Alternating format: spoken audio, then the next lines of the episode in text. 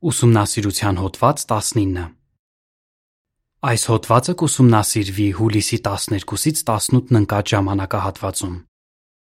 Արթարի համար գայթակղության քար չկա։ Բնաբան Շատ է քո օրենքը սիրողների խաղաղությունը, եւ նրանց համար գայթակղության քար չկա։ Սաղմոս 119-ի 165 Երկ 122 Լինենք հաստատուն Անսասան Այս հոդվածում Նախորդ հոդվածից իմացանք, թե որ 4 պատճառներով էին մարդիկ առաջին դարում մերժում Հիսուսին եւ թե ինչու են շատերը այսօր մերժում նրա հետևորդներին։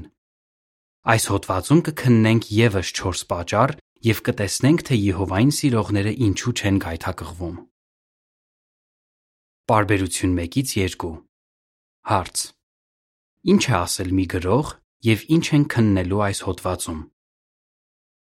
Այսօր միլիոնավոր մարդիկ պնդում են, թե հավատում են Հիսուսին, սակայն չեն ընդունում նրա սովորեցրածները։ Մի գրող ասել է. Եթե այսօր Հիսուսի նման մի մարդ լիներ, որը սովորեցներ այն, ինչ Հիսուսն է սովորեցրել, արդյոք նրան էլ կմերժեինք, ինչպես մերժեցինք Հիսուսին 2000 տարի առաջ։ Շատերի գործերն ու վերաբերմունքը ցույց են տալիս, որ այո, կմերժեինք։ Առաջին դարում շատերը լսեցին Հիսուսի սովորեցրածները եւ տեսան նրա հրաշքները, բայց հավատ չընծայեցին նրան։ Ինչու՞։ Նախորդ հոդվածից իմացանք, թե որ 4 պատճառներով մարդիկ գայթակղվեցին Հիսուսի խոսքերից ու գործերից։ Այժմ կքննենք եւս 4 պատճառ եւ կտեսնենք, թե ինչու են այսօր մարդիկ մերժում Հիսուսի հետևորդներին եւ ինչը կօգնի, որ չգայթակղվենք։ Առաջին Հիսուսն անկողմնակալ էր։ Պարբերություն 3 Հարց. Հիսուսի ո՞ր վարվելակերպը գայթակղության պատճառ դարձավ։ Երկրի վրա եղած ժամանակ Հիսուսը շփվում էր տարբեր մարդկանց հետ։ Նա ճաշում էր հարուստների եւ իշխանություն ունեցողների հետ, բայց նաեւ շատ ժամանակ էր անցկացնում աղքատների ու խեղճերի հետ։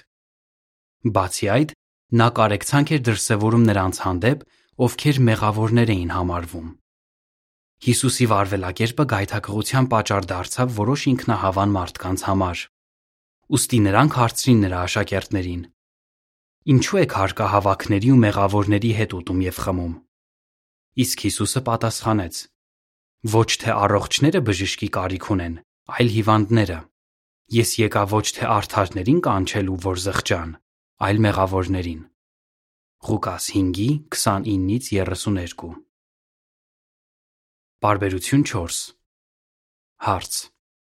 Ըստ Եսայի մարգարեության ինչ ակնկալիքներ պետք է հрьяաները ունենային Մեսիայի առնչությամբ Ինչ է ասում Աստծո խոսքը Մեսիայի երկիր գալուց դեռ երկար ժամանակ առաջ Եսայա մարգարեն ասել էր, որ աշխարը չի ընդունելու նրան։ Կարդում ենք. Մարդիկ արհամարում էին նրան ու խուսափում էին նրանից։ Մենք հեռացնում էինք մեր հայացքը, որ չտեսնենք նրա դեմքը։ Նա արհամարված էր, եւ մենք նրան բանի տեղ չէինք դնում։ Եսայա 53:3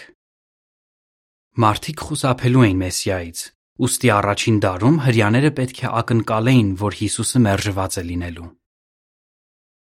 Պարբերություն 5 Հարց. Ինչ կարծիք ունեն այսօր շատերը Հիսուսի հետևորդների մասին։ Տեսնում ենք արդյոք նույն խնդիրը մեր օրերում։ Այո, այսօր շատ հոգևորականներ մեծ ուրախությամբ իրենց եկեղեցի են ընդունում ազդեցիկ, հարուստ եւ այս աշխարհի տեսանկյունից իմաստուն համարվող անհատների։ Նրանք դա անում են անգամ այն դեպքում, երբ այդ մարդկանց բարոյական արժեքներն ու ապրելակերպը չեն համապատասխանում Աստծո չափանիշներին։ Այդ նույն հոգևորականները վերևից են նայում Եհովայի երանդուն, բարոյապես մաքուր ծառաներին, քանի որ վերջիններս այս աշխարհի տեսանկյունից կարևոր մարդիկ չեն։ Ինչպես Պողոսն ասաց, Աստված ընտրում է արհամարվածներին։ Սակայն Եհովայի համար իր բոլոր հավատարիմ ծառաները թանկ են։ Պարբերություն 6 Հարց. Ինչ ասաց Հիսուսը Մատթեոս 11:25 եւ 26 համարներում եւ ինչպես կարող ենք ընթորինակել նրան։ Ինչը կօգնի չգայթակղվել։ Կարդանք Մատթեոս 11-ի 25-ը եւ 26-ը։ Այդ ժամանակ Հիսուսն ասաց. Հայր, երկնքի եւ երկրի Տեր, բոլորի առաջ գովաբանում եմ քեզ, որովհետև այս բաները իմաստուններից ու գիտուններից թաքցրիր եւ մանուկներին հայտնեցիր։ Այո, ով հայր, քանի որ այդպես վարվելը հաճելի եղավ քեզ։ Թույլ մի տուր, որ Աստծո ժողովրդի վերաբերյալ այս աշխարհի տեսակետը ազդի քեզ վրա։ Ընթունիր, որ Եհովան իր կամքը կատարում է խոնարհների միջոցով։ Մտածիր, թե նա որքան բան է իրագործել այն մարդկանց միջոցով, ովքեր այս աշխարհի տեսանկյունից իմաստուններ եւ գիտուններ չեն։ Երկրորդ. Հիսուսը քողազերծում էր կեղծ ուսմունքները։ Բարբերություն 7 Հարց. Ինչու Հիսուսը փարիսեցիներին կեղծավորներ անվանեց եւ ինչպիսին էր նրանց արձագանքը։ Հիսուսը քաջաբար դատապարտեց իր օրերի կեղծ կրոնական սովորույթները։ Օրինակ, նա քողազերծեց փարիսեցիների կեղծավորությունը, որոնց համար ավելի կարևոր էր ձեռքերը լվանալու ավանդույթը, քան իրենց ծնողներին հոգ տանելը։ Հավանաբար Հիսուսի խոսքերը անակնկալի բերեցին նրա աշակերտներին, եւ նրանք հարցրին. Գիտես, որ փարիսեցիները գայթակղվեցին լսելով քո ասած խոսքերը։ Հիսուսն էլ պատասխանեց. Ամեն տունք, որ իմ երկնային հայրը չի տնկել, արմատախիլ կարվի։ Թողեք նրանց։ Նրանք կույր առաջնորդներ են, Եթե կույրը կույրին առաջնորդի, երկուսն էլ փոսը կընկնեն։ Մատթեոս 15:12-14 Հիսուսը թույլ չտվեց, որ կրոնական առաջնորդների բացասական արձագանքը հետ պահի իրեն ճիշտն ասելուց։ Պարբերություն 8 Հարց.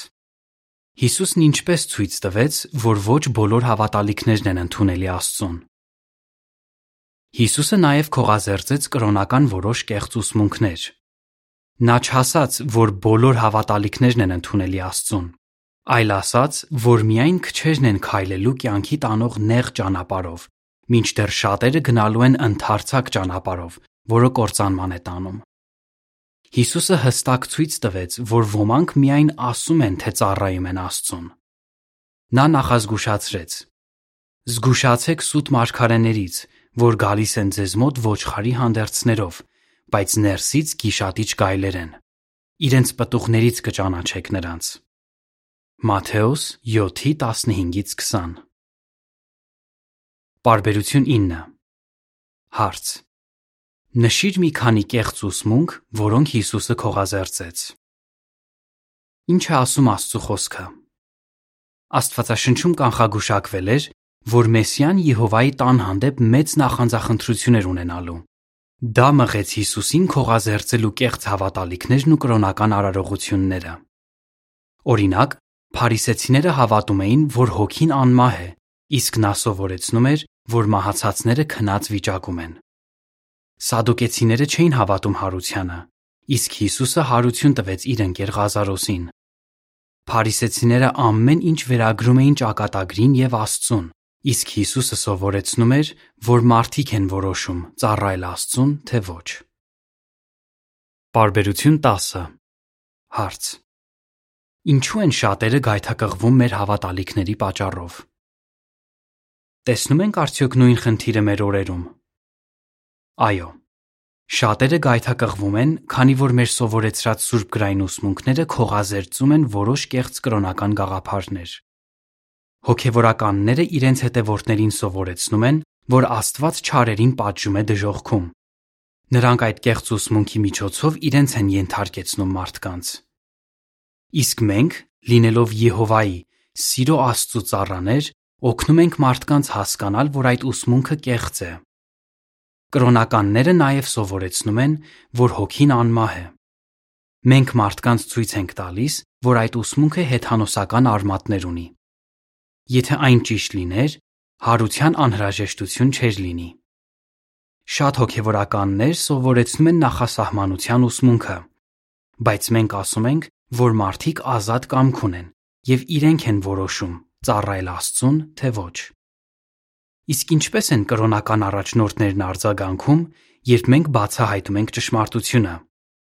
Հիմնականում դա նրանց զայրացնում է։ Բարբերություն 11 Հարց. Հովանես 8-ի 45-ից 47 համարների համաձայն, ինչ է Աստված պահանջում իր ժողովրդից։ Ինչը կօգնի չգայթակղվել։ Եթե սիրենք ճշմարտությունը, կհավատանք ու կհնազանդվենք այն ամենին, ինչ Աստված ասում է։ Կարդանք Հովանես 8-ի 45-ից 47-ը։ Բայց քանի որ ես ճշմարտությունն եմ խոսում, դուք չեք հավատում ինձ։ Ձեզանից ո՞ր մեկն է մեղադրում ինձ մեղքի մեջ։ Եթե ես ճշմարտությունն եմ խոսում, ապա ինչու չեք հավատում ինձ։ Ով Աստծուց է, լսում է Աստծո խոսքերը, իսկ դուք չեք լսում այն պատճառով, որ Աստծուց չեք։ Ի տարբերություն բանսարկու սատանայի, մենք ամուր կանգնած կմնանք ճշմարտության մեջ եւ երբեք փոխզիջումների չենք գնա մեր համոզմունքների հարցում։ Աստված իր ժողովրդից պահանջում է զզվել չարից եւ բարուն կառչել, ինչպես Հիսուսն արեց։ Հռոմեացիներ 12:9 Երորդ Հիսուսին հալածում էին։ Պարբերություն 12 Հարց Ինչու Հիսուսի մահը գայթակղության պատճառ դարձավ շատ հрьяաների համար։ Հիսուսի օրերում ուրիշ ինչը գայթակղության պատճառ դարձավ։ Պողոսն ասել է. Մենք քարոզում ենք ցեցին գանված Քրիստոսին, որը գայթակղության պատճառ է հрьяաների համար։ Առաջին Կորինթացիներ 1:23 Ինչու Հիսուսի մահը գայթակղության պատճառ դարձավ շաթհրյաների համար։ Հիսուսը մահացավ տանջանքի ցցի վրա, ուստի հрьяները նրան հանցագործ ու մեղավոր էին համարում, ոչ թե մեսիա։ Բարբերություն 13։ Հարց. Որ փաստն անտեսեցին այն հрьяները, ովքեր գայթակղվեցին։ Որոշ հрьяներ գայթակղվեցին, անտեսելով այն փաստը, որ Հիսուսն անմեղ է անհիմն կերպով է մեղադրվել եւ անարդար վերաբերմունքի արժանացել։ Հիսուսի դատավարությունն անցկացնողները ոտնահարեցին արդարադատությունը։ Հрьяաների բարձրագույն Ացիանը շուտ ապույտ հավաքվեց եւ անօրինական դատավարություն իրականացրեց։ Ներկայացված մեղադրանքներն ու ապացույցները քննելու փոխարեն դատավորները սուտ վկաներ էին փնտրում Հիսուսի դեմ, որպեսի նրան մահվան մատմեն։ Մատթեոս 26:59 Երբ դա էլ չհաջողվեց, քահանայապետը փորձեց այնպիսի խոսքեր կորզել Հիսուսից, որոնց հիման վրա կկարողանար մեղադրել նրան։ Այս ամենը միանգամայն հակասում էր այն ժամանակվա օրենքներին։ Եվ երբ Հիսուսը հարություն առավ, այդ անարդար դատավորները բավականին շատ արծաթե դրամներ տվեցին հռոմեացի զինվորներին, որպեսի նրանք սուտ լուրեր տարածեին այն մասին, թե ինչու էր Հիսուսի գերեզմանը դատարկ։ Մատթեոս 28-ի 11-ից 15 Պարբերություն 14 Հարց. Ինչ էին սուրբ գրքերը կանխագուշակել Մեսիայի մահվան մասին Ինչ է ասում Աստծո խոսքը Թեև Հիսուսի օրերում շատ հрьяաներ չէին ակնկալում, որ Մեսիան պետք է մահանար, սակայն նկատի առնենք, թե ինչ էր մարգարեացվել նրա մասին։ Իր հոգին մահվան մատնեց եւ օրինազանցների հետ դասվեց, Նա կրեց շատերի մեղքերն ու միջնորդեց օրինազանցների համար։ Եսայա 53:12 Ոստի հрьяաները ոչ մի պատճառ չունեին գայթակղվելու, երբ Հիսուսը որպես մեղավոր մահացավ։ Բարբերություն 15 Հարց. Որ հարցերում են Եհովայի վկաներին մեղադրում, ինչի պատճառով ոմանք գայթակղվում են։ Տեսնում ենք արդյոք նույն խնդիրը մեր օրերում, Անշուշտ, Հիսուսին մեղավոր ճանաչեցին մի բանում, ինչը նա չէր արել։ Նույն անարդար վերաբերմունքն է դրսևորվել նաև Եհովայի վկաների հանդեպ։ Նկատի առնենք մի քանի օրինակ։ 1930-ականներին եւ 1940-ականներին Միացյալ Նահանգներում Աստծուն պաշտելու մեր ազատությունը բազմիցս վիճարկվել է դատական ատյաններում։ Որոշ դատավորներ ակնհայտորեն աչառություն են դրսևորել մեր հանդեպ։ Կանադայի Քվեբեկ նահանգում եկեղեցին եւ պետությունը ձեռք ձեռքի տված փորձում էին կանգնեցնել մեր գործունեությունը։ Շատ քարոզիչների բանտարկում էին Աստծո թակավորության մասին մարդկանց պատմելու համար իսկ Գերմանիայում նացիստական ռեժիմը մահվան դատապարտեց բազմաթիվ հավատարիմ եղբայրների։ Ռուսաստանում մեր եղբայրներից շատերին մեղավոր են ճանաչում եւ ազատազրկում Աստվածաշնչի մասին մարդկանց հետ զրուցելու համար։ Նրանք դա համարում են ծայրահեղական գործունեություն։ Անկամ ռուսերեն Աստվածաշնչի նոր աշխարհ թարգմանությունը դասվել է ծայրահեղական նյութերի շարքում եւ արգելվել է։ Եվ դա այն պատճառով, որ այնտեղ կա Եհովա անունը։ Բարբերություն 16 Հարց. Ինչպես երևում է առաջին Հովանես 4-ի 1-ից, ինչու պետք է մերժենք Աստծո ժողովրդի մասին սուտ պատմությունները։ Ինչը կօգնի չգայթակղվել։ Քննիր փաստերը։ Լեռան քարոզում Հիսուսը ներկաներին ասաց, որ ոմանք ստելով ամեն տեսակ չար բաներ կխոսեն իր հետևորդների դեմ։ Մատթեոս 5:11 Այդ ստերի աղբյուրը սատանան է։ Նա դրթում է Աստծո ժողովրդի հակառակորդներին նենք ստեր տարածել նրանց մասին։ Մենք պետք է մերժենք դրանք եւ թույլ չտանք, որ նման ստերը վախեցնեն մեզ կամ թուլացնեն մեր հավատը։ Կարդանք առաջին Հովանես 4:1-ը։ Սիրելիներ, մի հավատացեք ամեն խոսքի, որ թվում է թե Աստծուց է, այլ ստուգեք, տեսնելու համար թե իրոք Աստծուց են, որովհետև շատ սուտ մարգարեներ են դուրս եկել աշխարհ։ 4. Հիսուսին դավաճանեցին ու լքեցին։ Պարբերություն 17 Հարց. Հիսուսի մահվանը նախորդող ո՞ր դեպքերից թերևս ոմանք գայթակղվեցին։ Հիսուսի մահվանը նախորդող գիշերը 12 առաքյալներից մեկը դավաճանեց նրան։ Այնուհետև բոլոր առաքյալները լքեցին Հիսուսին, իսկ նրանցից մեկը 3 անգամ ուրացավ։ Բայց Հիսուսը անակնկալի չեկավ։ Նա նույնիսկ կանխագուշակել էր այդ դեպքերը։ Տեսնելով տեղի ունեցածը, ոմանք թերևս գայթակղվեցին, մտածելով, եթե Հիսուսի առաքյալներն են այդպես վարվում, ես չեմ ուզում նրա հետևորդը լինել։ Բարբերություն 18 Հարց. Որ մարգարեությունները իրականացան Հիսուսի մահից առաջ։ Ինչ է ասում Աստծո խոսքը։ Դարեր առաջ Եհովան իր խոսքում հայտնել էր, որ Մեսիային մատնելու էին 30 կտոր արծաթի դիմաց։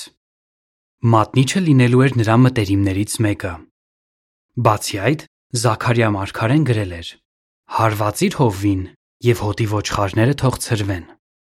Զաքարիա 13:7 Ոստի անկեղծ սիրտ ունեցող մարդիկ չպետք է գայթակղվեին այդ դեպքերից։ Ընթակառակը, Տեսնելով, որ մարգարեությունները կատարվում են Հիսուսի վրա, նրանց հավատը պետք է ամրանար։ Նկար.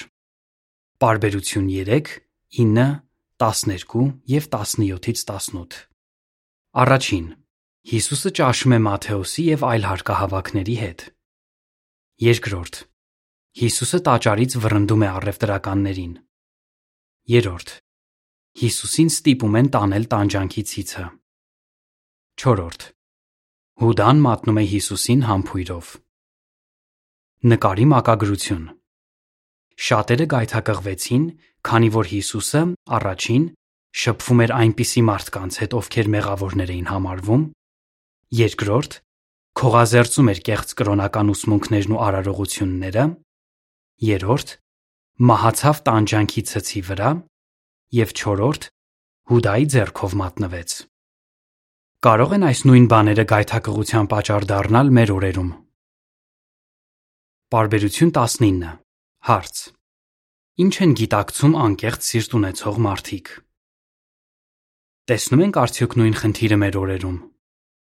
Այո։ Մեր օրերում որոշ վկաներ, որոնց շատերը գիտեին, թողել են ճշմարտությունը, դարձել հավատուրած եւ հետո փորձել ուրիշներին էլ շեղել ճշմարտությունից։ Այդ մարդիկ լրատվամիջոցներով եւ ինտերնետով Եհովայի վկաների մասին տարածում են բացասական տեղեկություններ, կես ճշմարտություններ եւ բացահայտ ստեր։ Բայց անկեղծ սիրտ ունեցողները դրանից չեն գայթակղվում։ Չէ որ Աստվածաշնչում կանխագուշակվել է այդ ամենի մասին։ Բարբերություն 20 Հարց.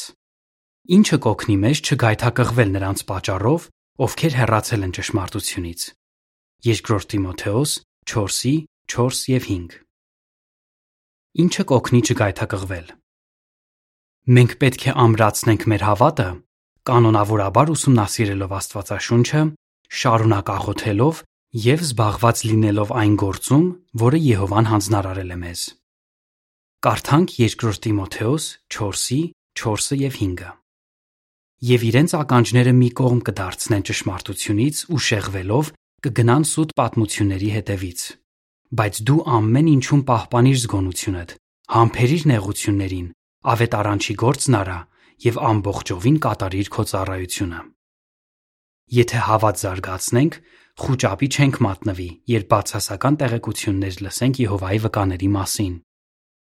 Սերը Եհովայի, Աստվածաշնչի եւ հավատակիցների հանդեպ կօգնի մեզ, որ չգայթակղվենք նրանց պատճառով, ովքեր թողել են ճշմարտությունը։ Բարբերություն 21 Հարց. Թեև մարդկանց մեծամասնությունը այսօր մերժում է մեր հայտնած լուրը, ինչու՞մ կարող ենք վստահ լինել։ Առաջին դարում շատերը գայթակղվեցին եւ մերժեցին Հիսուսին, սակայն շատ ուրիշներ ընդունեցին նրան, այդ թվում Սինեդրիոնի առնվազն մեկ անդամ եւ նույնիսկ քահանաների մի մեծ բազմություն։ Գործեր 6-7 Նմանապես այսօր միլիոնավոր մարդիկ չեն գայթակղվել։ Ինչու՞։ Որովհետև նրանք գիտեն եւ սիրում են Սուրբ գրային ճշմարտությունները։ Աստծո խոսքն ասում է. Շատ է քո օրենքը սիրողների խաղաղությունը, եւ նրանց համար գայթակղության քար չկա։ Սաղմոս 119-ի 165 Կրկնության հարցեր Ինչ կպատասխանես Ինչու առաջին դարում ոմանք գայթակղվեցին Հիսուսի խոսքերից ու գործերից